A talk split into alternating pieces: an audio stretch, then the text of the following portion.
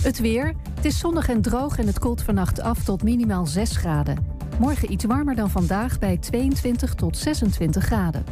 En tot zover het ANP-nieuws. 120. Weet wat er speelt in Twente. Iedere dag praten we hierbij over alles wat er in Twente gebeurt. Via radio, tv en online. 120. De eerste lijsttrekker van de Enschedeze gemeenteraadsverkiezingen is bekend. En wij spraken hem. En wat doet de Zero Waste Tour deze week in Enschede en Hengelo? Enschede heeft een eh, stadsbouwmeester, twee zelfs. Maar wat doen zij eigenlijk? En eh, alweer leven Textown Tigers spelers voor Oranje. Het is maandag 31 mei en dit is 120 vandaag. Ik vind nog een beetje... eh, mijn koptelefoon deed heel raar, joh. Ja, mijn ook. Mijn deed aan mijn rechteroor niet meer. Dus daar maakt ik Even, hem niet even, uit. even uit en aanzetten, zoals ze dan altijd zeggen. Dan, Ja. eh, dan zijn we er. Nee. We beginnen met eh, de vriendschapsband tussen Enschede en het Chinese Dalian. Die is ongepast en moet per direct worden gestopt. Dat is de boodschap van zo'n 150 demonstranten die gisteren bijeenkwamen in Enschede. Volgens het organiserende Oeigoer Cultuurcentrum maakt China zich namelijk schuldig aan grootschalige volkerenmoord op de Oeigoeren. Aan de lijn is voorzitter Abdoukayoum Yapar, zelf ook Oeigoer. Goedemiddag. Ja, goedemiddag meneer. Enschede heeft een eh, vriendschapsband met Dalian en China. Die stad die ligt eh, in het oosten, vlakbij Noord-Korea zou je kunnen zeggen. Eh, de Oeigoeren die leven toch vooral aan de andere kant van China, in het noordwesten, in de regio Xinjiang.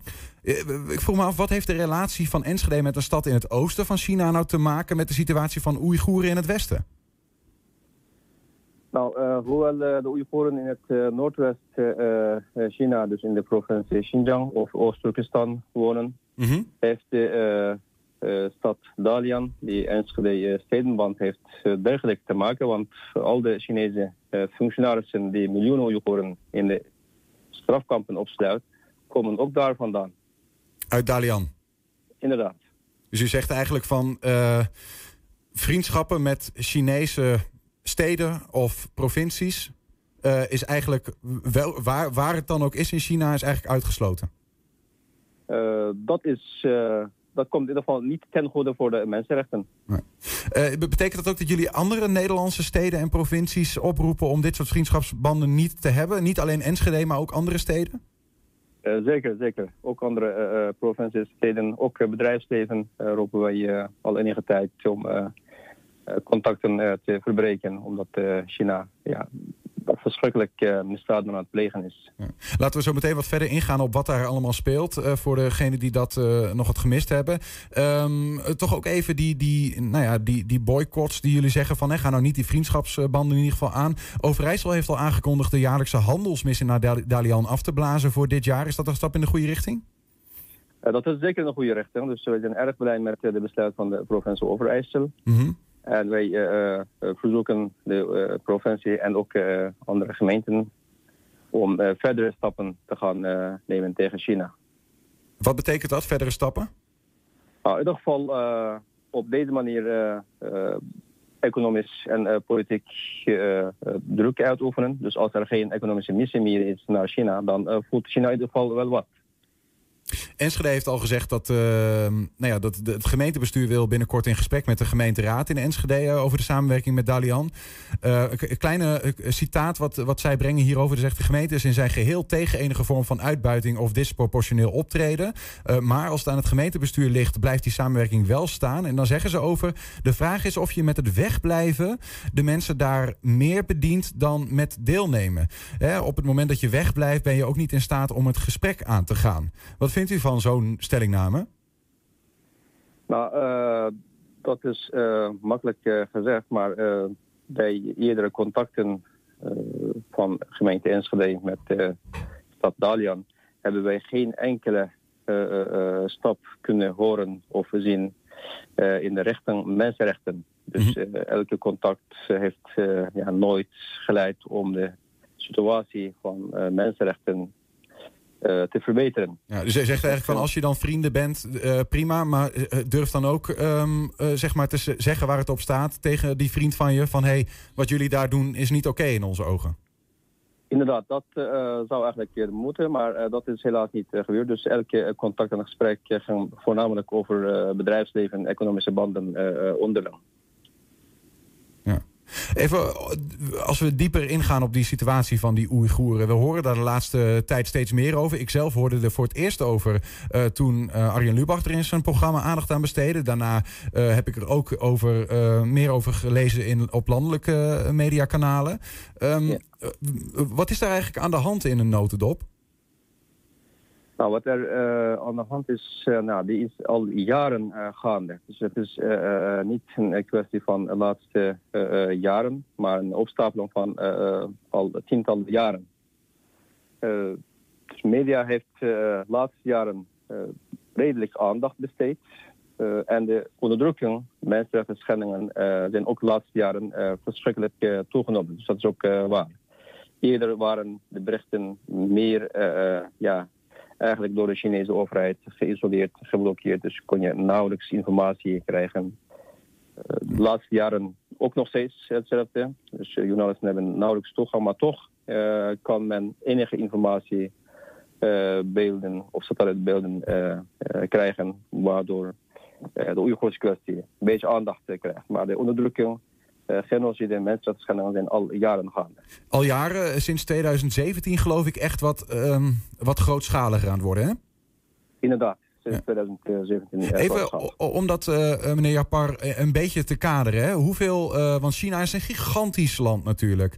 Um, Oeigoeren leven dus vooral in die provincie Xinjiang. Vroeger was dat uh, Oost-Turkistan, een land wat, wat de Oeigoeren bezaten. Um, hoeveel Oeigoeren leven daar in China ongeveer in totaal? Nou, volgens de uh, Oeigoerse statistieken uh, wonen er rond 30 miljoen Oeigoeren in een oppervlakte van uh, 1,8 miljoen 28 vierkante meter. Het is een behoorlijk grote land. Hoeveel keer Nederland? Land, dus ruim 40 keer Nederland. Wow, ja. Twee keer zo groot als Frankrijk en 2,5 keer zo groot als Turkije. Mm -hmm. Dus het is een behoorlijk grote land. het is 1 vijfde van de Chinese eh, totale oppervlakte. Volgens de Chinese getallen uh, zijn de Oeigoerse uh, ja, getallen vele malen lager. Dus China houdt al decennia lang de getallen laag. Dus dat is een. Ja. Ja maar er zit, een, er, zit er zit een groot deel van die Oeigoeren, um, zeg maar, zeggen jullie, zit vast in, um, in kampen. Hè? Waarvan de Chinese overheid zegt: wij noemen dat uh, heropvoedingskampen. om meer aan het Chinese com communistisch regime te on onderwerpen te zijn. Maar jullie zeggen eigenlijk: het zijn min of meer moderne concentratiestrafkampen. Uh, inderdaad, sinds 2017 zitten er miljoenen Oeigoeren vast. Hoeveel, uh, hoeveel is miljoenen? Nou, op dit moment, uh, volgens onze informatie, rond 6 miljoen. Ah. Ik kan dat aan u met ja, harde bewijzen aantonen. Mm -hmm. in, een, in de zuidelijke gedeelte waar ik vandaan kom, dus Hotan, daar zitten al een miljoen mensen vast. Onder andere meerdere familieleden van mijzelf. Dus mijn broer, schoonmoeder, schoonvader, schoonzus zijn meerdere neefjes en nichtjes. Zelfs minderjarige neefjes en nichtjes zitten ook vast. En wat gebeurt er met hen? Nou, wat gebeurt er uh, met hen? Dat is uh, voor ons uh, onbekend. Wij hebben geen enkele contact. Ik kan mijn broer niet spreken, al jaren niet. mijn schoonmoeder ook niet. Mijn broer is destijds naar gevangenis, dus naar een kamp meegenomen voor vier jaar. Schoonmoeder is voor 15 jaar, schoonzus voor onbekende jaren. En de rest is ook uh, onbekend. En als u, zo, zo, ja, wat, wat, als u de gedachten erover laat gaan met wetenschap van andere Oeigoeren die wel iets naar buiten hebben laten gaan, wat, wat speelt er? Hoe onderdrukt China de, die bevolkingsgroep? Nou, de onderdrukking is, begint soms bij verschrikkelijke ondervra ondervraging en marteling. Dus men wordt zomaar beschuldigd van separatisme, extremisme en religieuze activisme. Terwijl dat niet het geval is. dus met de extreme mishandeling wordt men ja, verschrikkelijk blootgesteld aan onmenselijke misdaden. Dus wij hebben op dit moment geen enkele informatie of onze familieleden, überhaupt of mijn broer en schoonmoeder nog leven of niet, dat weten wij niet. En net als ik zitten er miljoenen Oeigoeren nou, te wachten voor uh, duidelijke informatie. Ze weten ook niet of hun familieleden uh, nog leven of niet. de meesten weten niet waar ze hun familieleden worden vastgehouden. Dat wordt ook eh, geheim gehouden door de Chinese autoriteiten om eventuele weerstand te voorkomen. Wat, wat, wat is eigenlijk de. Ja, dat is bijna een, een absurde vraag. Maar wat is eigenlijk de reden? Wat is de oorzaak dat die Oeigoeren zo'n onderdrukt volk zijn in China? Nou, laten we duidelijk zijn dat uh, wij Oeigoeren totaal andere uh, volk zijn dan de Han Chinezen. Wij hebben niks te maken met hun. we zijn puur een bezette volk, geannexeerd in 1949. omdat het een bezette land is, wil China kosten wat kosten de regio ja, vasthouden en van de ondergrondse en bovengrondse rijkdommen profiteren. Dat doen ze al die jaren. China is inmiddels ook ja, een beetje op de hoogte dat de Oeigoeren niet zomaar alle uh, onderdrukkingen pikken. Dus de Oeigoeren komen ook regelmatig in opstand voor hun eigen rechten. Dus, terecht. Het is ons land. wij hebben recht om eigen bestuur te hebben. En ook eigen zeggenschap hebben in het bestuur. In China zit dat een gevaar. Dus daarom worden de Oeigoeren stelselmatig eh, opgepakt, gemarteld eh, en ook eh, in de gevangenissen worden gedood. Men krijgt niet eens stoffelijke overschot ja, te zien.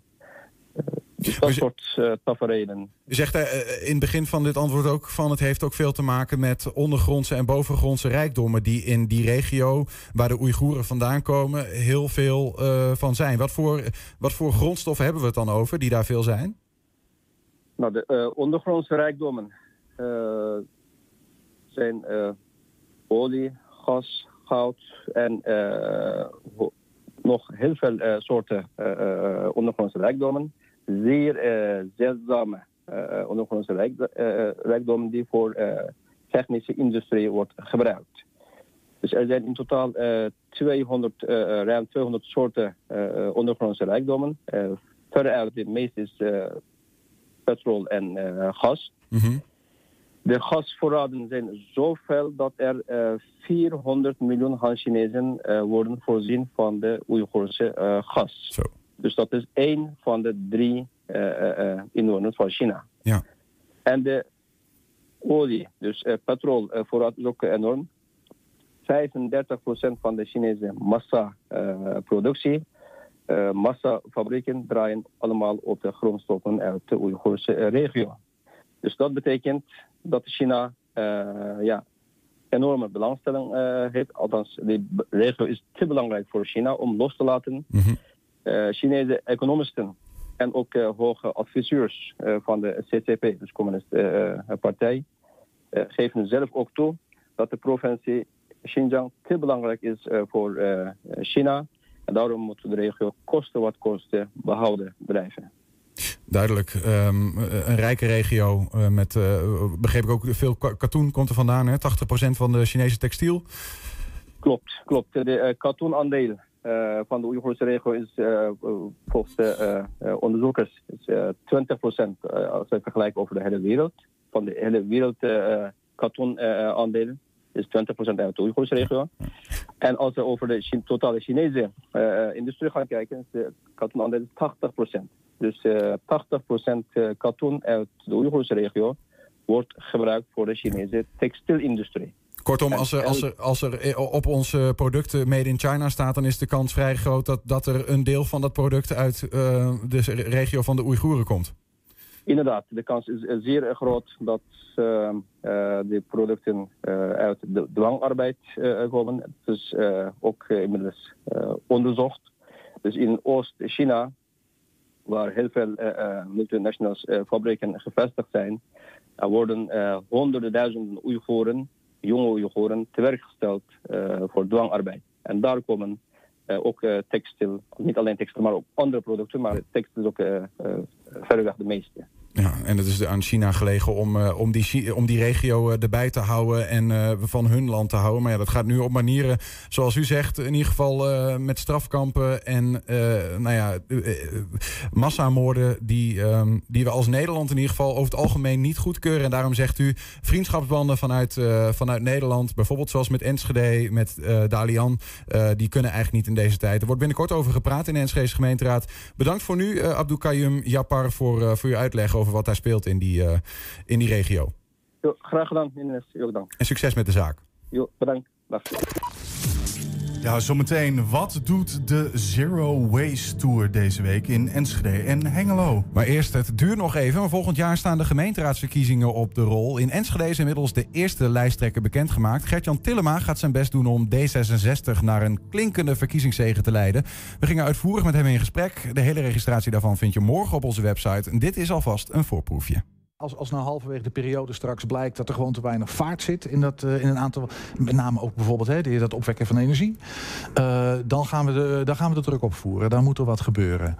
Uh, ik, heb, ik heb niet de indruk dat dat nou heel erg gebeurd is. Het, als ik het nou bedoel, niet vervelend, maar het is een beetje bleekjes toch? nou ja, kijk, er zit een verschil in zeg maar, het signaal naar de stad toe en het signaal in de kaartstop. Hm. en ik denk als je deze vraag zou stellen aan Mark Teutelink of aan Niels den Berg, beide van Burgerbelangen. Ja. Dat ze uh, toch wel wat beginnen te lachen. Ja? Uh, want daar is wel degelijk menig gevecht over gevoerd. Oh, en ja. daar, daar is het laatste gevecht ook nog niet over gevoerd. Ja, maar als ik nou, dan ga ik toch even terug hè, naar bijvoorbeeld die windmolens. Ik, de, de, ik moet zeggen, dat, dat was ook een reden waarom ik er met jou over wilde praten. Um, maar geen windmolens. Dan denk ik van ja, dit, dit, dit ik, ik, kan me voorstellen dat je dan met je vuist op tafel slaat en denkt van ja, hallo, uh, daar, gaan wij, daar gaan we dus niet meer doen. Volgens mij, dat klopt. volgens mij heeft ook vorige week, denk ik, nog een uitgebreid artikel in de Tubantia gestaan... waarin Jara Hummelston, de Partij van de Arbeid en Jasper Kerkwijk namens ons. Uh, Jasper doet hierover het woord.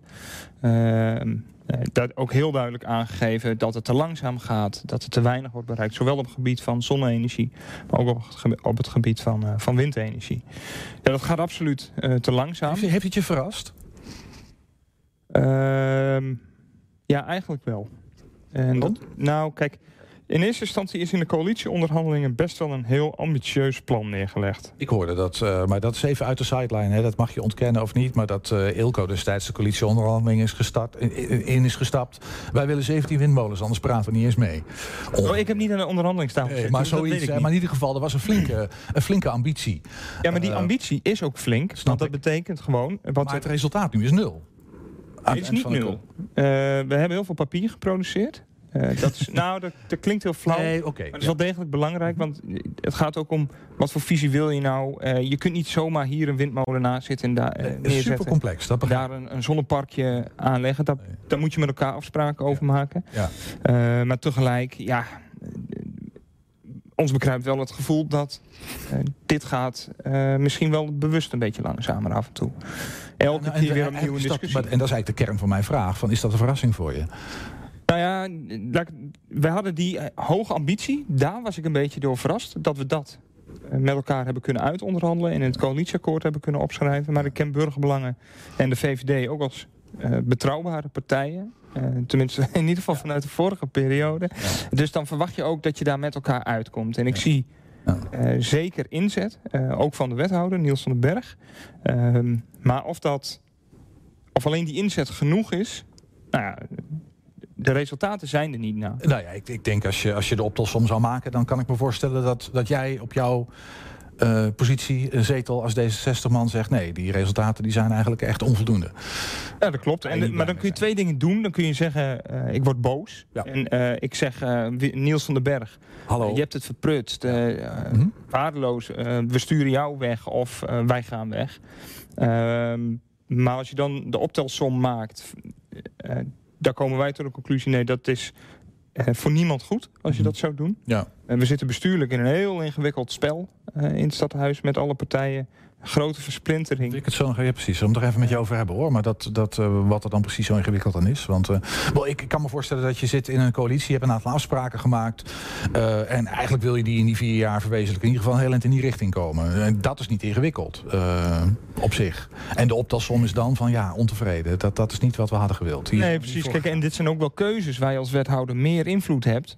en waar ik denk dat uh, bijvoorbeeld Ilko, de voorganger uh, van, uh, van Niels, hm. Ilko ook daadkrachtiger in was. Ehm, als ik kijk naar een van de grootste problemen is dat Tenet de aansluiting op het hoogspanningsnet moet realiseren. Want capaciteit, ja, de boel zit vol eigenlijk. Ja, dan moet je wel eerst Tenet kunnen vertellen waar je het wil gaan doen. Want anders zegt Tenet, ja, ik, ik weet het niet hoor, maar waar wil je het hebben? Eh, en dat zijn natuurlijk de zaken. Dat vraagt echt daadkracht. Dat vraagt ook een volgordelijkheid waarbij je zegt: eh, dit gaan wij nu hier doen. Ja. En we gaan niet eh, dan nog nu bijvoorbeeld, wat nu op dit moment weer speelt, weer wachten op een gezondheidsonderzoek voor wind. Dat kun je omdraaien. Je kunt zeggen: nee, wij kiezen die locatie. Ja. En natuurlijk moeten dingen gezond zijn. Als de mensen ziek van worden, dat kan niet waar zijn. Dus dat moet je niet willen. Maar je kunt dat prima parallel laten lopen. Daar hoef je niet eerst te wachten op dat onderzoek. Ja, precies. Dus, dus, dus nou ja, eh, dan vertaal ik het maar even als eh, vertragingstactiek misschien wel. Zou kunnen, eventueel. Ja, kijk, op het moment dat het echt onwil zou zijn... ik geloof niet dat het onwil is. Nee. Kijk, als het echt onwil zou zijn, dan, dan komt een vertrouwensvraag in beeld. En daar is geen sprake van. Nee, dus nee, dat, dat is het niet. Alleen, ja, de wethouder van den Berg maakt andere afwegingen... dan wat ik graag zou zien op dat dossier. Zijn er momenten geweest, wat, wat is het moeilijkste moment geweest in de afgelopen periode voor jou? Als fractievoorzitter? Of misschien ook wel eens gewoon als, als, als Nou. raadslid hoor. Eh, waar ik echt hele grote moeite mee heb gehad, maar dat heb ik net ook al even genoemd, is dat eh, wegstemmen van het bestemmingsplan voor de moskee. Ehm, ik denk als we echt één moment aan moeten wijzen, en ik moet het zo op tafel leggen, dat dat het moeilijkste moment is Ja. geweest. Ja, dat was Ernst dus vanmiddag in gesprek met eh, Gert-Jan Tillema. Maar eerst, de, of zometeen de stadsbouwmeester van Enschede. Maar eerst gaan we iets anders doen. Ja, want eh, in de strijd tegen het in hun ogen overdreven gebruik van verpakkingsmaterialen houden overal in het land aankomende zaterdag een zogeheten Zero Waste Tour. In ruim 30 steden worden zo'n eh, 80 wandel- of fietstochten gehouden. In eh, Hengelo en Enschede doen eh, ze dit jaar voor het eerst mee. In de studio is Agnes Boyink en Annelies Bolijn. Zij trekken de kar in deze twee steden. Goedemiddag beiden. Goedemiddag. Goedemiddag.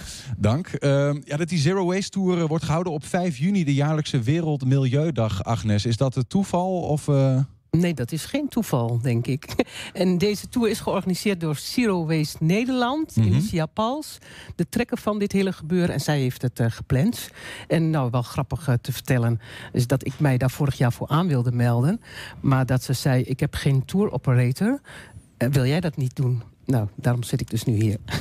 en eh, wa- wa- wat ben je dan als tour operator in zo'n verhaal? Nou, je gaat met een aantal mensen langs winkels die je vooraf hebt geïnformeerd. Zo van, kan er hier verpakkingsloos gewinkeld worden? Mhm. En dat kan op heel veel plekken. Nou, ik heb natuurlijk wat bij me. Mhm. Dus wat we, wat we natuurlijk allemaal kennen is de, de, de zakjes nu van de Albert Heijn. De blauwe, die zijn van een andere supermarkt. Als jij ehm, in jouw winkel, en dat kan een slager zijn... of een bakker of een koffietent... eh, verpakkingsloos kan shoppen... kun je een mooie sticker op je raam krijgen van Zero Waste Nederland. En dan weten de mensen dat ook. Maar de drempel is nog best hoog. Wij gaan de mensen een stapje helpen. Dat is het. Oké, want, want even eh, in Hengelo. ehm, In de Anne- Enschede, ja. En in Enschede. Maar in Hengelo gaan jullie ook echt die wandeltocht langs die winkels doen, hè? In Hengelo is een wandeltocht, Ja. inderdaad. In Enschede hebben we vorig jaar een wandeltocht gedaan. Maar we wilden graag veel mensen dit jaar. En ja, dan mag je, je mag niet zoveel mensen bij elkaar hebben op dit Mhm. moment. Eh, dus wij hebben bedacht om een fietstour te doen... zodat mensen op een plek in de tour kunnen aanhaken. Zodat Mhm. niet iedereen op elkaar zit... maar iedereen gewoon langzaam, stapsgewijs... bij de winkels eh, binnenloopt. Ja, ja, precies. Ja. Oh ja, jij komt vanuit eh, Enschede, Annelies. Ja. ja, dat was even mijn denkfout. Ehm, eh, de- ik heb begrepen dat die tocht in Enschede niet door de binnenstad gaat. Nee, die gaat dit jaar niet door de binnenstad. Daar hebben we bewust voor gekozen. Omdat we vorig jaar ook al naar de binnenstad geweest zijn. En ja, het houdt wel een keer op met verpakkingsvrije winkels. En wij hebben nog geen nieuwe ontdekt in de binnenstad. Dus ja, als mensen er weten, dan kan dat ook gewoon aangegeven worden. Want dat is natuurlijk goed voor iedereen. Hoe meer winkels je weet, hoe meer je verpakkingsvrij boodschappen kunt doen. Ja, precies. Wat ga je in de Helmerhoek doen dan? Eh, wij gaan op de Helmenhoek naar eh, de, de Bijenhoek. Daar gaan we even kijken. Eh, op dit moment is er nog niet zoveel groente en fruit. We hebben daar een moestuin. Maar zodra er ook eh, groente en fruit weer van het land komt... wordt het daar ook verkocht. Dus dat is echt super lokaal eh, groente en fruit kopen. En Wat heeft dat dan te maken honing. met zero waste, met, met, met weinig afval? Nou, lokaal is natuurlijk, dat betekent natuurlijk dat je geen vervoerskosten hebt. Dus je hebt daar, je hebt daar ook geen CO2 in gebracht... doordat je ergens naartoe rijdt met je spullen.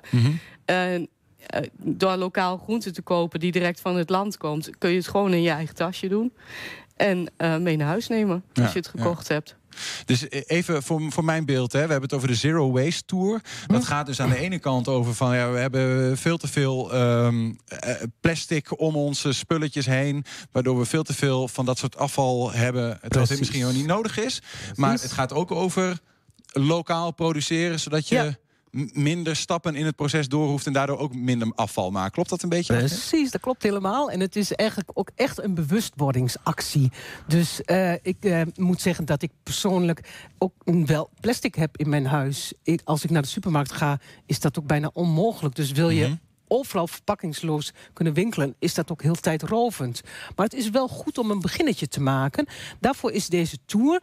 Daarvoor zie ik mijzelf dan ook als tour operator. Dat ik, eh, omdat ik bij eh, de feiten, de slager, al eventjes vooraf aangekondigd heb dat ik daar eh, met een aantal mensen langs ga komen. En zij ook een sticker op hun raam plakken. Is dat die eerste keer even het vlees in jouw eigen bakje laten doen wat je meegenomen hebt. In plaats van afval. Ja, dat is dan klein stapje. Waardoor ik hoop dat mensen het vervolgens vaker gaan doen. Maar ga je alleen langs bij winkels, bij zaken die eh, inderdaad zero waste. Ja, ik heb Doen? voor deze tour in Hengelo vijf zaken gepolst. Of ze mee willen doen. Of ik daar ook mag komen met mijn ehm, mensen. Maar mee willen doen betekent ook dat je ze over de streep helpt om dit te gaan doen vanaf nu? Of? Ja, maar heel veel. ehm, je, je pakt natuurlijk wel gewoon eerst de zaken waarvan je denkt van oké, ja, die zitten wel in mijn rijtje. Ja. Dus eh, dat is eh, slagerij De Feiter, eh, Knetter, waar ze heel veel bekers en verpakkingsspullen verkopen. Waar je eigen koffie in de beker, of in de beker in je eigen koffie kan doen. Ehm, Eco Plaza, dus de supermarkt.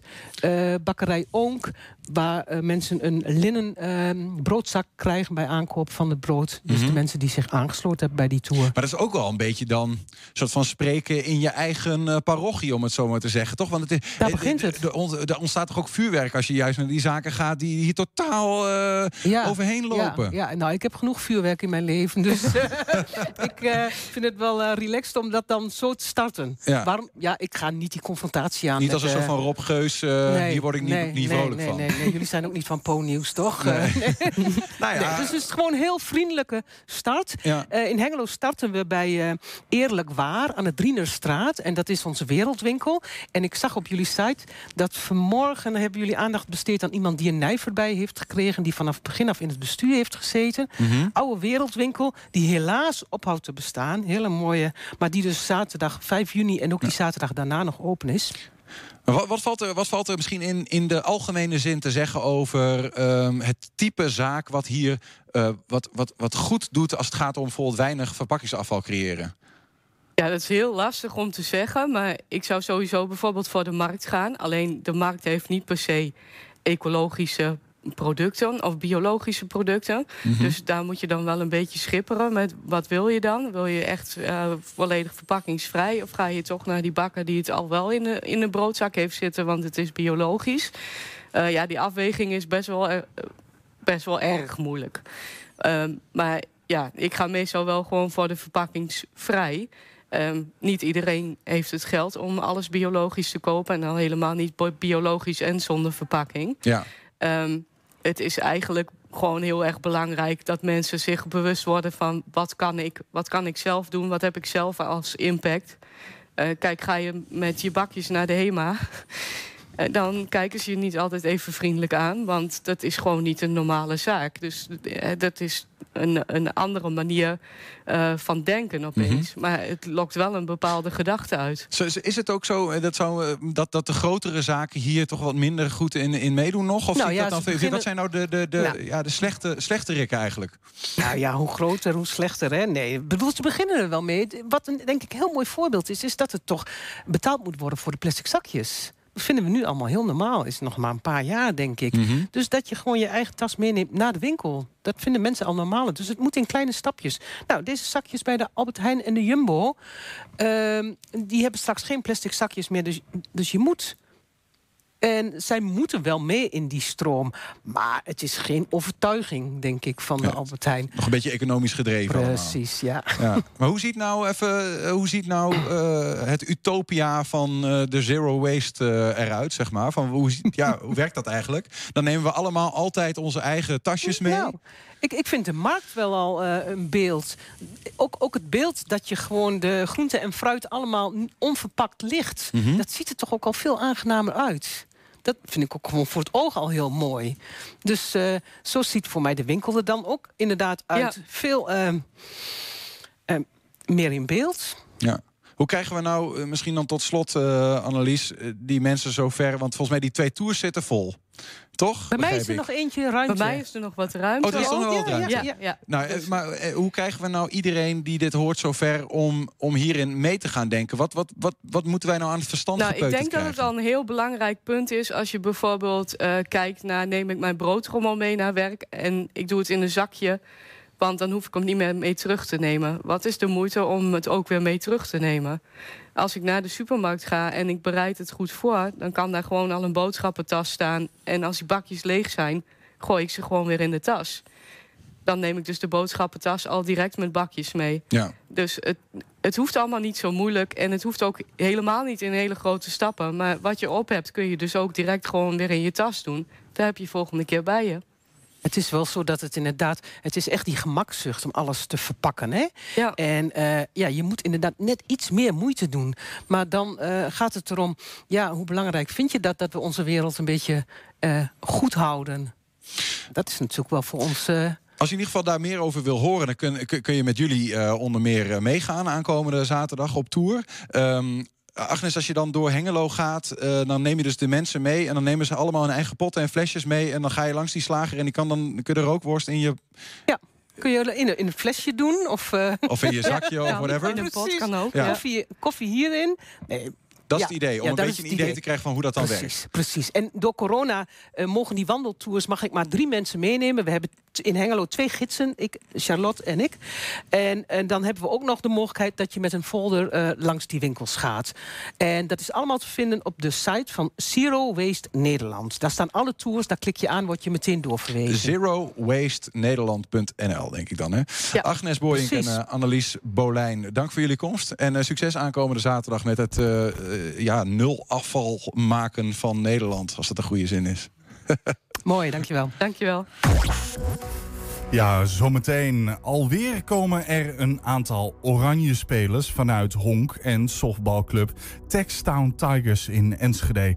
Ja, en wat is dat dan toch met die club? Straks hoor je er alles over. Maar eerst gaan we het hebben over een stadsbouwmeester. Nou, als je dat eh, vaak zegt, dan weten sommige mensen eigenlijk helemaal niet echt waar je het over hebt. Ehm, ja, is het iets uit de 15e eeuw? Is het iets van nu? Nou, in elk geval eh, eh, is het ook iets van het laatste. Want bij ons in de studio is een van de twee eh Enschedeze stadsbouwmeesters, naar het schijnt. Een van hen, hen zit aan tafel, terwijl Niels ook weer plaatsneemt. Ze is vers als stadsbouwmeester, net 100 dagen in dienst. Jessica Hammerloend Bergman bij ons in de studio. Welkom. Dankjewel. Wat een prachtige naam trouwens. Ja, ik, ik zei net ook eh, toen ze hier binnenkwam, zei ik echt een prachtige naam. Maar dat komt hier niet vandaan, denk ik. Nee, eh, ik, eh, ik eh, ben in Zweden geboren en eh, eh, opgegroeid in Denemarken. Dus eh, toen, ik twin, nou ja, toen ik klaar was met mijn studie, ben ik naar Nederland gegaan. En toen dacht je, dat is niet goed genoeg. Enschede, that's the place to be. ja, ja. Maar je woon, woon je in Enschede ook? Nee, ik woon in Amsterdam. Je woont in Amsterdam, Ah. Ja. maar je bent stadsbouwmeester van Enschede. Ja. Hoe kan zoiets? Ja, nou, je kan solliciteren als eh er is een positie die eh, eh, werd opgedaan. Er was een vacature en toen heb ik gesolliciteerd. En eh, ik ben wel eerst met de trein hier naartoe gegaan natuurlijk. Het is best een ritje, twee uur. Ja. Om te kijken van, is dat wel te doen? Eh, maar dat vond ik wel te doen. Ik vind de trein ook wel fijn. En ik vond het gewoon een hele leuke stad. Dus eh, nou, ik dacht, ik eh, probeer het maar. En ben je hier dan vaak als je stadsbouwmeester bent? Nou ja, deze week ben ik toevallig drie keer voor jullie. En morgen ga ik met de adviescommissie Cultuurhistorie en, praten en kennismaken. En eh, zaterdag ga ik naar de lang verwachte opening van de musea. Mhm. Eh, Rijksmuseum Twente en Museumfabriek. Dus dan ben ik wel drie, drie keer op een week eh, in Enschede. Maar normaal gesproken denk ik dat ik één of twee keer per week hier zal zijn. Eén à twee keer per week. Maar de, de grote vraag, want wij, wij, wij zagen onlangs bij andere media ook stukjes over jou. Toen hadden we zoiets van, ja, ik wist niet eens dat het bestond, een stadsbouwmeester. Wat Wat doe jij eigenlijk? Wat is een stadsbouwmeester? Ja, ik denk elke stad vult dat eh, een beetje anders in. Eh, het is ook niet lang elke stad die dat eh, hebben. Ehm, maar ik ben gevraagd van de gemeente om meer te kijken naar de samenhang in de stad. Je bent een onafhankelijk persoon, dus je zit niet in de organisatie, maar je, je zit dan een beetje buiten als het ware. Ehm, en er was ook de bedoeling dat jij eh, de organisatie, eh, maar hopelijk ook de burgers van Enschede gaat inspireren en uitdagen. eh, en visie vormen voor de stad. Maar dus de samenhang klinkt nog vrij groot. Waar hebben we het dan over? Samenhang van wat? Ja, ik, zoals ik het zie nu. ehm, ik heb natuurlijk Enschede op een, in een hele rare periode leren kennen. Ik ben nog, nog steeds die stad aan het leren kennen. Maar dit Want is- corona. Ja, corona. Ja. Dus het is een soort stad en winterslaap. Eh, niks is open, geen terrasjes. Dus ik was heel blij toen ik eh, van de week door de stad liep en daar gewoon mensen overal waren. Toen dacht ik, oh ja, zo is de stad nou in het echt.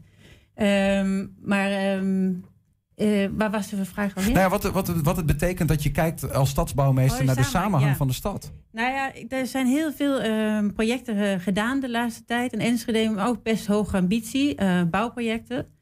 Ehm, maar eh, elke project heeft dan een eigen soort plek. En eh, wat de bedoeling is nu om meer te kijken van hoe kunnen we die dingen met elkaar verbinden. Bijvoorbeeld, als je loopt nu in de binnenstad of in het centrum, dan heb je geen idee eh, dat er zoiets ligt als de Performance Factory. Echt vlak buiten het centrum, waar heel leuke dingen gebeurt. Dus hoe verbinden we centrum met de Performance Factory? Dat is een kwestie van de wegwijzertjes eh, neerzetten bijvoorbeeld. Nee, of ik denk dat is gewoon in de openbare ruimte te zorgen dat je een soort levendige openbare ruimte hebt, wat fijn is om te lopen, dat je eigenlijk vanzelf wordt geleid naar die plekken. Ja. Ehm, en wat ik nu zie is een beetje in het, in het ei. Jullie hebben een soort eh, eivormige centrum. Ja. Eh, daar is het heel mooi vertoeven en is het eh, leuk verblijven. Maar net buiten is het eigenlijk eh, best gedomineerd door de auto nog steeds. En een beetje moeilijk om je weg te zoeken. Mhm. Viel me ook op de eerste keer dat ik hier kwam. als je dan uitstapt op het station. Dat je als bezoeker niet echt een idee hebt van waar moet ik naartoe. Waar ligt het centrum? En je hebt ook helemaal geen idee dat het prachtige park heel dicht bij het station ligt. Omdat er gewoon geen route daar naartoe Maar hoe kun je, eh, hoe, je- want, je hebt er dan vast eh, eh, verstand van eh, als eh, stadsbouwmeester. Ja, Eh, hopen. oh, ja, hoe zou je, wat, wat, wat voor adviezen geef je dan aan bijvoorbeeld de wethouder of aan de gemeente? Van, nou, misschien moet je dit eens proberen om daar wat meer samenhang te creëren. Wat zijn nou de, de, de absolute do's? Ja, nou, ik ben nog steeds natuurlijk aan het kijken van wat eh, mijn adviezen zal zijn. Mhm. Eh, maar tot nu toe eh, is het vooral zeg maar, de samenhang zoeken. Bijvoorbeeld, eh, kijk naar hoe je de centrum kan verbinden met die fijne dingen die gebeuren om het centrum heen. Dus dat is Performance Factory, Arendsplein, eh, Volkspark, Van Heekplaat. Hoe zorg je dat mensen daar naartoe komen? Ehm, maar ook bijvoorbeeld, eh, ik ben heel benieuwd naar eh, zo'n ontwikkeling als Kop Boulevard. Eh, het is een mega ambitieus project. Eh, en dus ik denk dat het heel goed is dat er zoveel mensen eh, een nieuwe woning krijgen in het centrum. Maar hoe zorgen we dat die plek ook gewoon een fijn plek wordt voor de stad? Dat het Mhm. niet alleen maar hoogbouw is, maar dat het ook echt een levendige buurt wordt in de stad. Ik denk bij elk eh, ding die je toevoegt aan de stad, moet je nadenken van wat voegen we toe behalve woningen? Wat, wat geeft het aan de stad? Ja. En, en is het zo, want er zijn, er zijn twee van jouw soort in Enschede. Eh, is dat drie volgens mij. drie zelfs? Ja. Is dat iets nieuws of is dat iets wat de Enschede eigenlijk wat je altijd hebt? Eh, ik weet eigenlijk niet hoe lang Enschede, eh, Enschede dat heeft. Op een bepaald moment heeft ze wel gezegd... er is geen welstandscommissie zoals een normale steden is. Is een monumentencommissie. En verder doen de stadsbouwmeesters welstandsaanvragen. Dus zeggen bouwaanvragen. En dan heb je dus één voor eh, monumenten. En je hebt één voor eh nou ja, dakkapellen, eh, enkele woningen en zo. Mhm. En ik ben dan aangenomen om meer te kijken naar de complexere opgaves in de stad. En dat- zijn bijvoorbeeld Kop van de Boulevard? Ja, en de nieuwe stationsomgeving, daar zitten enorm veel, veel Centrum. Kwadraat. Centrum Kwadraat, hoe ga je daarmee doen? Maar ook kennispark, de verbinding met de universiteit, eh, dat soort zaken. Ja. En zijn er al dingen eh, op een bepaalde manier gebeurd omdat, omdat jij kwam en zag en zei: dit moet je op deze en deze manier doen eigenlijk? Of ben je nu alleen nog aan het inventariseren? Ik ben gewoon de stad aan het leren kennen. Dat duurt ook best lang om een stad te leren kennen. En eh, je moet ook vooral mensen leren kennen. om te begrijpen hoe een stad aan elkaar zit. Ik heb natuurlijk nu, zeg maar, de afgelopen maanden de casco kunnen bekijken. Om, eh, hoe gewoon, wat, wat is de fysieke ruimte van de stad? Ja, gewoon de stenen. Ja, hoe zit die Maar de geest heb je nog niet echt. Maar de geest moet ik nog natuurlijk. eh, en als je dat niet goed begrijpt, dan kan je weinig doen in een stad. Is dat zomaar hoe spreken? Want dan heb je eigenlijk, zeg je, er is een, moet een samenhang zijn tussen stenen en de menselijke geest. Ja. De, de spirit van de Enschedeeën. Ja, dat is heel belangrijk. En hoe, hoe ga je dan die... Want je hebt nu iets van de stenen gezien. Ja. Eh, wat, wat, wat hoop je dan van die Enschedeeën te zien? Hoe kun je dat met elkaar matchen? Ik, dat, Nee, ik denk, ja, ik ben natuurlijk ook op zoek naar als stadsbouwmeester van hoe ga je de gesprek aan met de burger. Ehm, ik wil dat vooral niet in stoffige zalen doen of eh, eh, zeg maar de, de bu- burger hier en de gemeente hier en de stadsbouwmeester daar. Dus ik ben ook een beetje aan het kijken van hoe kunnen we op een andere manier een gesprek met de Enschedeer aangaan. Dus daar ben ik ook op zoek naar. En daarom heb ik bijvoorbeeld in die 100 dagen heb ik veel wandelingen gedaan met verschillende mensen, fietstochten. eh, om ook door hun ogen Enschede eh, te leren kennen. en nu zitten die honderd dagen erop. Is nu dan een volgende fase in het proces aangebroken of zo?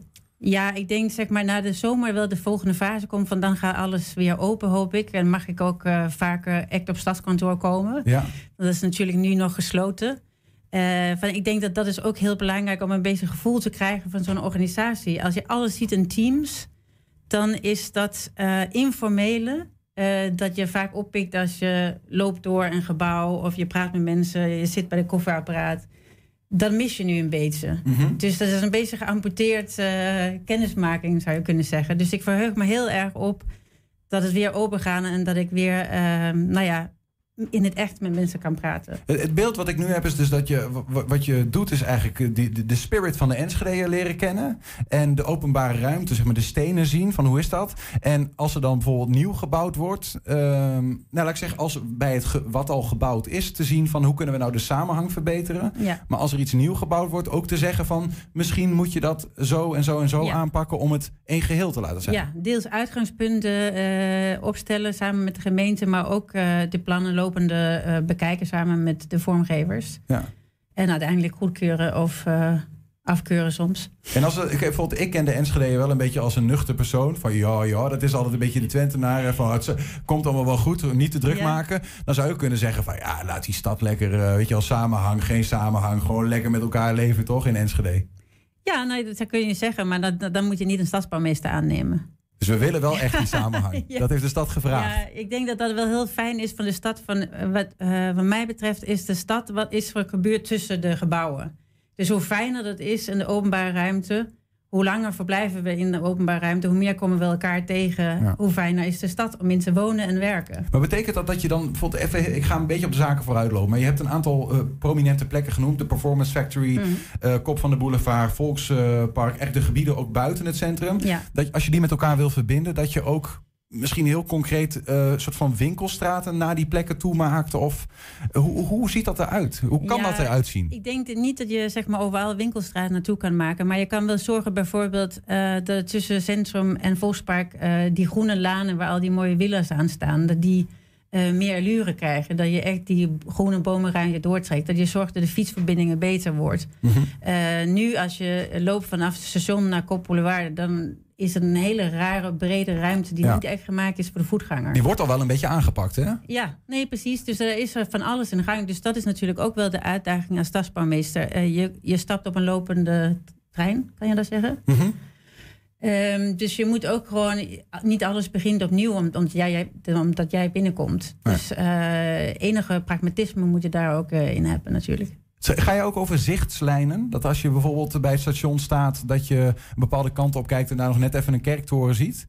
Nou ja, dat zou één ding kunnen zijn. Ik denk dat hoogbouw bijvoorbeeld, dat werkt op verschillende niveaus. Je hebt hoogbouw is heel erg je skyline, dus op afstand. Eh, maar als je dichterbij komt, dan zijn die eerste vier verdiepingen heel erg belangrijk. Van daar heb je mee te maken als voorbijganger of als je daar woont. Dus eh, het is zichtlijnen, maar er is ook echt de tactiliteit van wat zie ik als ik ergens eh, langs loop. Dat is voor mij ook heel belangrijk. Ja, we, we- ik, misschien één klein dingetje nog. Wij hadden zelf eh, hier op de redactie nou, de andere, het andere plaatje. Dit is de tekening die je hebt gemaakt. De- de- dit gebouw vonden wij op de nominatie voor sloop staan. Dat is het oude Rabobankgebouw. Ga je daar ook over of niet? Gewoon misschien deze Ja, als... ik vind er even over hebben, ja. ja. Wat vind je er zelf van? Nou, ik, ik vind het zo te zien niet een heel bijzonder gebouw, nee. In de gevel. Maar- ik En weet toen- niet wat dit binnen. En toen je hier aankwam, zeg maar, heb je dan ook nog zoiets van: hé, dit is wel een bijzonder gebouw? Ja, dit gebouw. Ja, dat je Ja. hier aankwam en wat, wat, wat, wat, wat komt er dan als eerste op misschien? Even Nee, nog. ik ben natuurlijk wat grappig is eh, in die rondwandeling die ik heb gehad met verschillende mensen. Dan eh, op een of andere manier komen we altijd langs Roombeek natuurlijk. En langs dit gebouw.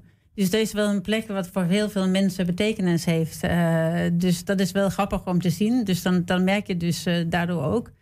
Eh, en ik hoorde ook eh, van, on- van eh, de burgemeester eh, dat eh bijzonder gebouw met hoe de verdiepingen zaten. En, eh, Ja, dit gebouw, het Balengebouw, ja, Ja. ja. zeker. ja, dus dat vind ik wel heel bijzonder. En ik vind eh, dat Enschede veel van die eh, nieuwbouw hebben... waar er heel veel ambitie in zit en een goede kwaliteit in zit. Dus dat moet je ook echt koesteren. Dat vind ik er heel bijzonder. Kan een Enschede in zijn zak steken. Ja, zeker. Zeker. Nou ja, aankomende eh, zomer ga je dus eh, wat meer eh, nog die, die geest van Enschede leren kennen als alles weer een beetje open gaat. En daar Ja. gaan we toch een beetje van uit. Zeker. Ehm, wanneer zit jouw taak dan op een gegeven moment ook weer op? Heb je dan je adviezen uitgebracht en ga je weer terug naar Amsterdam, zeg maar? Nou, in principe hebben we over een half jaar... dan ben ik een jaar bezig, hebben we een evaluatie. Wat mij betreft moet je dat elke jaar doen. Maar in stadsbouwmeester wordt in principe voor drie jaar aangenomen... met verlenging tot zes jaar. Dus ehm, Je bent er nog wel even. ik ben er nog wel even, als het goed gaat. Nou, gezellig. Eh, en, en veel succes met het eh, één eh, maken, één geheel maken van Enschede. Ja, nou, dank u wel. Eh, dat was stadsbouwmeester Jessica Hammerloend Bergman. Ja, over drie weken begint het EK softbal in Tsjechië. De Enschedeze club Textown Tigers levert meerdere spelers voor die oranje selectie. De honk- en softbalclub die streek al in 1968 neer in Enschede. En honkbal is een van de grootste sporten der aarde... en wordt voornamelijk in Noord- en Zuid-Amerika gespeeld. De laatste jaren komen er, komen er ook steeds meer Nederlandse spelers... in de Amerikaanse competities terecht. En zo krijgt ons land ook steeds meer status wereldwijd... Ja, bij ons in de studio zijn eh, Joop Hassink, erelid van eh, de vereniging. En sinds het begin van de club ook al eh, betrokken bij het geheel bijna. In ieder geval al heel lang. En ook eh, kerstvers opgeroepen speelster van Oranje, Annemiek Jansen. Eh beide welkom. Dank je. Hier. Eh, straks even de geschiedenis induiken van dit bijzondere fenomeen. De hofleverancier bijna van Oranje, zou ik bijna denken. Ehm, maar eerst even, Annemiek, gefeliciteerd. Dank je. eh, met je Ja. aanstelling bij Oranje. Dank je. Is dat, eh, eh, eh, hoe bijzonder is dat voor jou? Nou ja, eh, heel vet natuurlijk. Die kans eh, is ongelooflijk gaaf om te krijgen. En eh, ja, heel dankbaar voor. Ja. Ja, ik, ik, ik ken jouw carrière verder niet zo goed. Heb Nee. je nog meer van dit soort bijzondere dingen gehad? Is het een soort van, was het de verwachting of is het voor jou iets? Eh, nou, ik heb altijd eigenlijk wel in Jong Oranje gezeten. Dus dat, eh, dat ken ik wel. En dat was heel gaaf. En eh, sinds dat ik te oud was voor Jong Oranje... altijd wel een beetje er tegenaan gehangen. Nederlands team, wel of niet. Mhm. Maar nu echt de, erbij gehaald volledig. Dus ja. Dat betekent dat jij 21 tot 26 juni in Tsjechië. Nee, wij zitten, eh, dat is het heren softbal EK.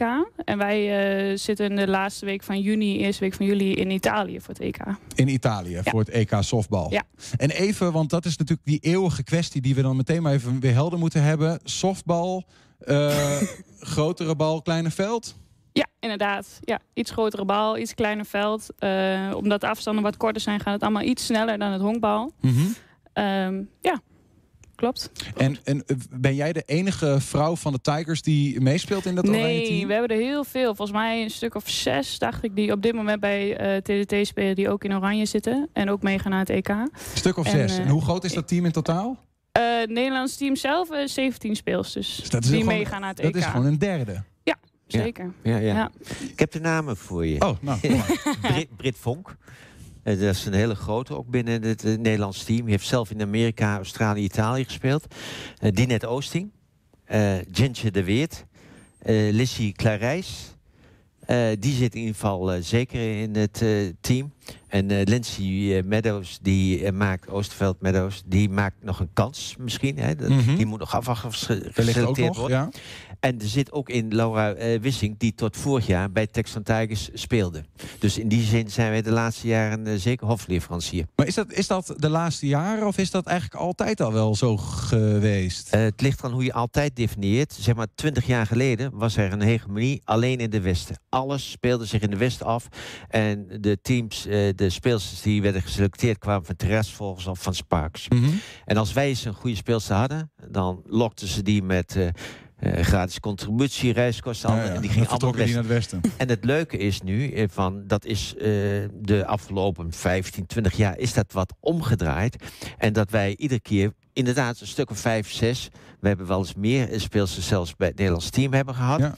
En dit jaar is het zelfs zo, vind ik heel mooi, dat een aantal speelsters die in het Westen wonen, maar er gekozen hebben op vrijwillige basis. Die zijn niet gelokt met geld door Texan Tigers. Zeg maar, wij willen bij Texan Tigers spelen, want daar heerst een goede sfeer, daar heerst een goede eh, teamdiscipline. en nou, dat, dat is compleet anders dan 20 jaar geleden. Waar kom jij vandaan zelf? Ik kom zelf uit Enschede. Jij komt Ja. zelf uit Enschede. Ja. En Ja. wat weet jij van die dames uit jouw team die zeggen van ik kom bij Texan Tigers spelen omdat ik daar moet zijn? Van, die vanuit het westen Eh, komen? Nou ja, de meeste, zoals Britt bijvoorbeeld, die komt ook uit Enschede zelf. En Ginger, die heeft in een ver verleden ook wel voor TDT gespeeld. Lizzie ken ik zelf van eh Jong Oranje al voorheen. En die Mhm. heeft ook voor gekozen om bij eh, TDT te komen spelen. Ja, echt wel ook vanwege de sfeer die er altijd eh, fijn is binnen ons team. Ja, Maar is die sfeer, want je speelt ongetwijfeld in den landen dan ook wel eens in het westen. ja zeker.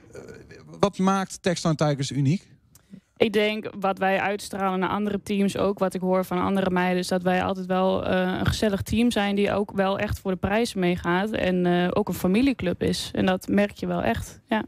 Dat is Joop de afgelopen jaren dus echt aan het kantelen dat Ja. zelfs vanuit het westen hier naartoe komen. Bet- wat betekent dat voor de, voor de toekomst van Texan Tigers? Ziet er dan nog rooskleuriger uit misschien wel dan dat hij, dat hij al Nou, was? Het mooie wat bij Texas Tigers is dat wij altijd eigen jeugdopleiding hebben gehad. Hè? Net zoals Annemiek uit de eigen jeugd komt, zijn er heel veel van die spelers komen uit de eigen jeugd. En die teams die ik net noemde, dat waren teams die kochten als het ware spelers weg bij anderen Mhm. eh, bij de jeugd. En dat heeft Texan Tigers heel goed vast kunnen houden. Hele mooie basis in het verleden gelegd door Jan van der Molen, waarbij we iedere keer aan de jeugdopleiding werken. En dus een aantal mensen zoals Annemiek door kunnen groeien. En er zijn er veel meer geweest die op die manier zijn doorgegroeid. En dan willen anderen toch bij aanhaken, omdat ze zien, hé, hey, daar wordt wat geboden. Maar is het, kijken ze dan ook met een, met een schuin oog vanuit het westen soms met Texan Tigers van shit, die betalen helemaal niks. Maar die spelers gaan er toch naartoe. Wat doen wij hier nou verkeerd of zo? Nou, op een of andere manier krijgt het gewoon niet voor elkaar om die jeugdopleiding voor elkaar te zetten. wij, wij hebben op een gegeven moment gehad dat wij in Ne- Nederland de enige vereniging waren die compleet waren op alle onderdelen. Hè? Mhm. Of het nou eh damesoftbal was, herensoftbal was, honkbal was, jeugd, bierbal, jongste jeugd, al die dingen. Heel veel verenigingen, met name in softbal, die hadden, hadden een softbalteam en misschien twee softbalteams en verder niet. En wij zijn, precies Ja. zoals Mick zei, een totaalvereniging die met z'n allen met, eh, met families en zo die club in stand houden en die club opbouwen. Wat is, wat is de charme van de sport, Annemiek? Softbal. Ehm, ja, ik denk eh, toch wel dat het wel echt heel snel is. Eh, snel denken, snel zijn, het is heel explosief. En dat vind ik zelf heel erg leuk. Maar ook wel met die rustige momenten erin... waarin je ook zelf kan nadenken... of even een praatje maken met andere mensen... vind ik zelf heel leuk. Eh, dus ja, dat, dat vind ik heel erg leuk. Ja. Ja, dat, dat valt me dan zelf op. Hè. Ik, ik heb wel eens eh, ook bij Texan Tigers als, eh, met een bedrijventoernooi meegedaan. Ja. Dan kijk je bij die mannen die dan aan het honkballen zijn. En dan op het moment dat het spel voor mij als leek lijkt stil te liggen, gebeurt er eigenlijk stiekem van alles, Ja. of niet? Want Ja. in één keer wordt er dan gerend en eh, gegooid en weet ik veel wat allemaal. Is, is het een denksport of een doesport? Het is denk ik allebei. Ehm, op de momenten dat de wedstrijd voor het publiek eh, stil ligt, ben ik in het veld constant aan het nadenken of aan het communiceren met mijn andere speelsters in het veld. Van wat gaan we nu doen? Wat als dit gebeurt? Wat als dat gebeurt? Want er zijn heel veel opties in een actie. Wat gaan we dan doen? Dus je bent constant eigenlijk bezig. Al lijkt dat misschien niet zo voor, eh, voor het oog van het publiek. Maar dat, ja, dat is wel zo. Joop, ehm, eh, we, we vroegen jou sinds wanneer zit je al bij de club? Is hij misschien al wel 50 jaar, misschien wel langer, toch? Ja, ja 57 jaar. 57 jaar. Ja, ja, ja. Eh, Even een rijtje van. eh, ik wil je vragen, wat heb je allemaal gedaan? Je kan beter vragen, wat heb je niet gedaan? Je, bent, eh, je hebt zelf gehonkbald, in het bestuur gezeten, voorzitter geweest, betrokken geweest in het verleden bij het WK, bij de junioren, betrokken geweest bij de European Competition. Eh, eh, wat betekent Texan Tigers voor jou? Nou, het is een groot deel eh, van mijn leven en het leven ook van mijn familie. Hè? Want een van de redenen waarom jullie zeggen, eh, kom nou eens. eh, Rob, mijn zoon, die zit nu ook, is ook geselecteerd voor het Nederlands herensoftbalteam. Die gaat, die gaat naar Tsjechië dus, wat Ja. je net noemde, straks. Maar we hebben ook onze dochters, Annelies en, en Marieke, die hebben ook in het Nederlands team gezeten. En dat is het mooie eigenlijk, in deze sport, als je een beetje goed bent, kun je nationaal op een heel nieuw hoog niveau komen. En kun je ook heel leuk over de wereld reizen. Omdat er niet zoveel van gedaan wordt in Nou, Nederland? Is omdat dat- wij in Enschede de kwaliteit hebben. En dan, het is een relatief kleine sport. Maar als je goed bent, dan kun je net zoals Annemiek in dat Nederlands team komen. En dan kom je in Amerika. Mijn eerste reis naar Amerika was met mijn dochter die het WK daar, daar, daar speelde, om maar wat te noemen. En eh, nou ja, in allerlei landen, heel veel van die meiden en die jongens die dit gedaan hebben, Mhm. die hebben gewoon de hele wereld eh over gereisd. En dat is geweldig. En hoe groot is dat dan bijvoorbeeld voor, voor jouw zoon, die nu eh, ook weer met het EK meedoet? Is, eh, is het voor de jongens, is er ook een boterham in te verdienen? Wat moet ik me daarbij voorstellen? Voor, hem niet. Voor hem is het puur amateurwerk. Hij mag blij zijn als ze straks op het EK kampioen worden dat ze naar Nieuw-Zeeland mogen. Mhm. Maar die jongens die moeten zelf geld collecteren voor hun shirts, voor de anderen heel anders. Is heel anders dan zoals Annemiek nu zit. Want die zit op rozen. Oh ja? Nou, proost. Ja, ons programma met de damesoftbal wordt helemaal gefinancierd vanuit de NOC-NSF. Dus de 21 meiden die status hebben, zoals bijvoorbeeld ik, die krijgen gewoon eh, betaald. Maar dan draai je wel ook een eh, strak programma in Amsterdam elke Vanuit dag. de bond, eh so- Ja. sort of. Ja. Maar is dat, is dat jouw prof? Is dat jouw, Ja, eh, dat is mijn jouw baan. fulltime baan? Ja. Softballen zijn? Ja. Wauw. Ja, Ja. ja. Droom? Ja, zeker. Heel tof. Ja. En de zoon van Joop, eh, Rob, is... Onze coach bij Texan Tigers. Ja, precies, is jullie Ja. coach. Want dat, want dat viel me nog op. Hij is eh 42. Nou zou ik denken, als je kijkt naar voetbal of zo... dan Mm. is iemand van 42 is, eh, in eh, mooie bewoordingen afgeschreven. Nee, maar het zijn, zijn allemaal heren van die leeftijd en soms nog ouder. En wat ik wel even heel leuk eh, vind te vertellen. Eerder bij Texan Tigers waren Rien Smulders en Nick Nieuwenhuizen bij een selectie. Mhm. En Martijn Guyot en Robert Heuvelman recentelijk. als Texan Tigers mensen ook bij het herensoftbal gespeeld. En die vier internationals op herensoftbalgebied zijn alle vier trainer coach bij, eh, bij, bij, bij het team. Dus die jongens, die, eh, hun drive brengen ze ook over op de dames eh, softbal 1. Kijk, wat, wat vind jij van de generatie van Annemiek? Die, eh, Nou ja, ik, ik, ik vind het prachtig. Oh ja. En Nou, ik vind het prachtig dat het doorgezet heeft. Hè? Ja. Want je kunt wel een paar jaar aan die top zitten. Maar de, de, prachtig is bij Texan Tigers dat ook de generatie van Annemi- Annemiek in de club groter zijn geworden. Dat er anderen bij komen. En dat die club dus nu al, nou, eh 16, 17 jaar continu op dat niveau kan spelen. Omdat we het binnen de club dat met elkaar kunnen doen. Dus we kunnen het doorgeven. En dat is mooi. is, het, is, er, is er soms ook een dag dat je je afvraagt... ja, what's next? Wa- wa- Waar moeten we nu nog, hoe kunnen we nog verder groeien? Want je wilt toch, je, je, je reacht altijd voor het hoogste, toch? Nou ja, we willen opnieuw. We zijn twee keer Nederland, eh, Nederlands kampioen geweest met de softbal. Europees kampioen. En daar willen we graag weer naartoe. Dat is ook het doel van het team. Mhm. wat, wat, wat er nu staat met, met, met de jongens. Om te kijken, kunnen we dit jaar eens weer kampioen worden. Zodat we ook weer voor het Europees kampioenschap kunnen gaan. Maken jullie kans? Ja, zeker. Op het Nederlands kans. kampioenschap sowieso. Ja, we zijn net eh, begonnen aan het seizoen. We zijn nu met de eerste ronde bezig. En eh, we gaan lekker. De teams liggen heel eh, dicht bij elkaar. Dus dat maakt het heel erg leuk. En je weet ook nooit wat je eigenlijk op een dag kan verwachten. Op een wedstrijddag. Maar ja, het- ja we, we lopen op zich wel goed. Als je in Italië wint, Ja. ga je naar het WK. Eh, ja, het loopt nu allemaal wat anders door corona. Volgend jaar is er weer een EK. Mochten we dit jaar EK winnen, dan gaan we volgend jaar ook naar een World Cup. Wat een beetje een alternatief is op de Olympische Spelen. Dus het loopt nu allemaal wat anders dan, eh, dan voorheen. Mhm. Maar eh, ja, we gaan met het Nederlands team voor het EK winnen. Zeker. Als, ze- eh, eh, st- stoort het jullie wel eens dat eh, bijvoorbeeld, ik bedoel, ik, ik weet er weinig van. Ik denk veel Enschede's, terwijl ergens daar aan de Kotkampweg ligt gewoon een goudmijn, zeg maar. Hè? Ja. Is, Ja. is dat wel eens irritant? Oh, ja, als ik voor mezelf mag spreken, vind ik dat wel soms heel erg jammer. Want het gaat vaak over Twente, FC Twente, dit, dit. Gelukkig nu wel ook wel over de FC Twente vrouwen, want die doen het ook ongelooflijk goed. Maar softbal is niet alleen in Enschede, maar eigenlijk in heel Nederland wel een beetje een vergeten kindje, vind ik. Terwijl we het eigenlijk niet alleen Enschede in Nederland, maar Nederland ook op internationaal niveau eigenlijk altijd super goed doet. Ja. Maar dat wordt wel FC vergeten. Twente, naast FC Twente is Texan Tigers het enige team wat al die jaren op het hoogste niveau, sportniveau, in Nederland speelt. Vorig jaar waren we het enige team in Enschede wat op het hoogste sportniveau nationaal speelde. Alleen, het lukt ons niet dat eh, aan te vullen met sponsoring. Die komt daar niet op af. Als je dat nog voor een stuk zou hebben, zou je nog, dan zou je nog extra impulsen kunnen geven. Ja, Ja.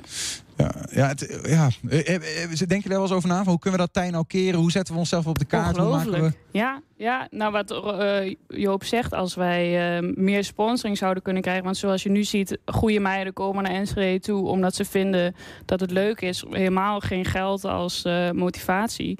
Stel, we zouden grote sponsors krijgen en dat ook kunnen investeren. Zou dat echt super vet zijn. Dan zouden we nog naar een hoger niveau Maar dat gaat kunnen, denk natuurlijk ik. vooral over kijkers, denk ik dan. Hè? Over publiek. ja. Wat, wat, Ja. hoe, hoe ga je mij nou aan mijn verstand peuteren... dat ik gewoon een keer op een zondag, zaterdag... wat is het eigenlijk, moet komen kijken? Gewoon, ja, super gezellig op de club. Wat ik zeg, het is altijd echt gezellig op de club. Het is echt een familieclub. Eh, je zit heel dicht bij het veld, wat je natuurlijk in een stadion niet hebt.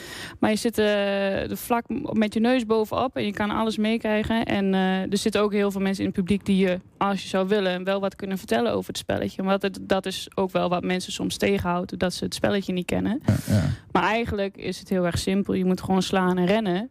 Dus als je met die intentie naar het veld komt voor een gezellige dag, dan ja.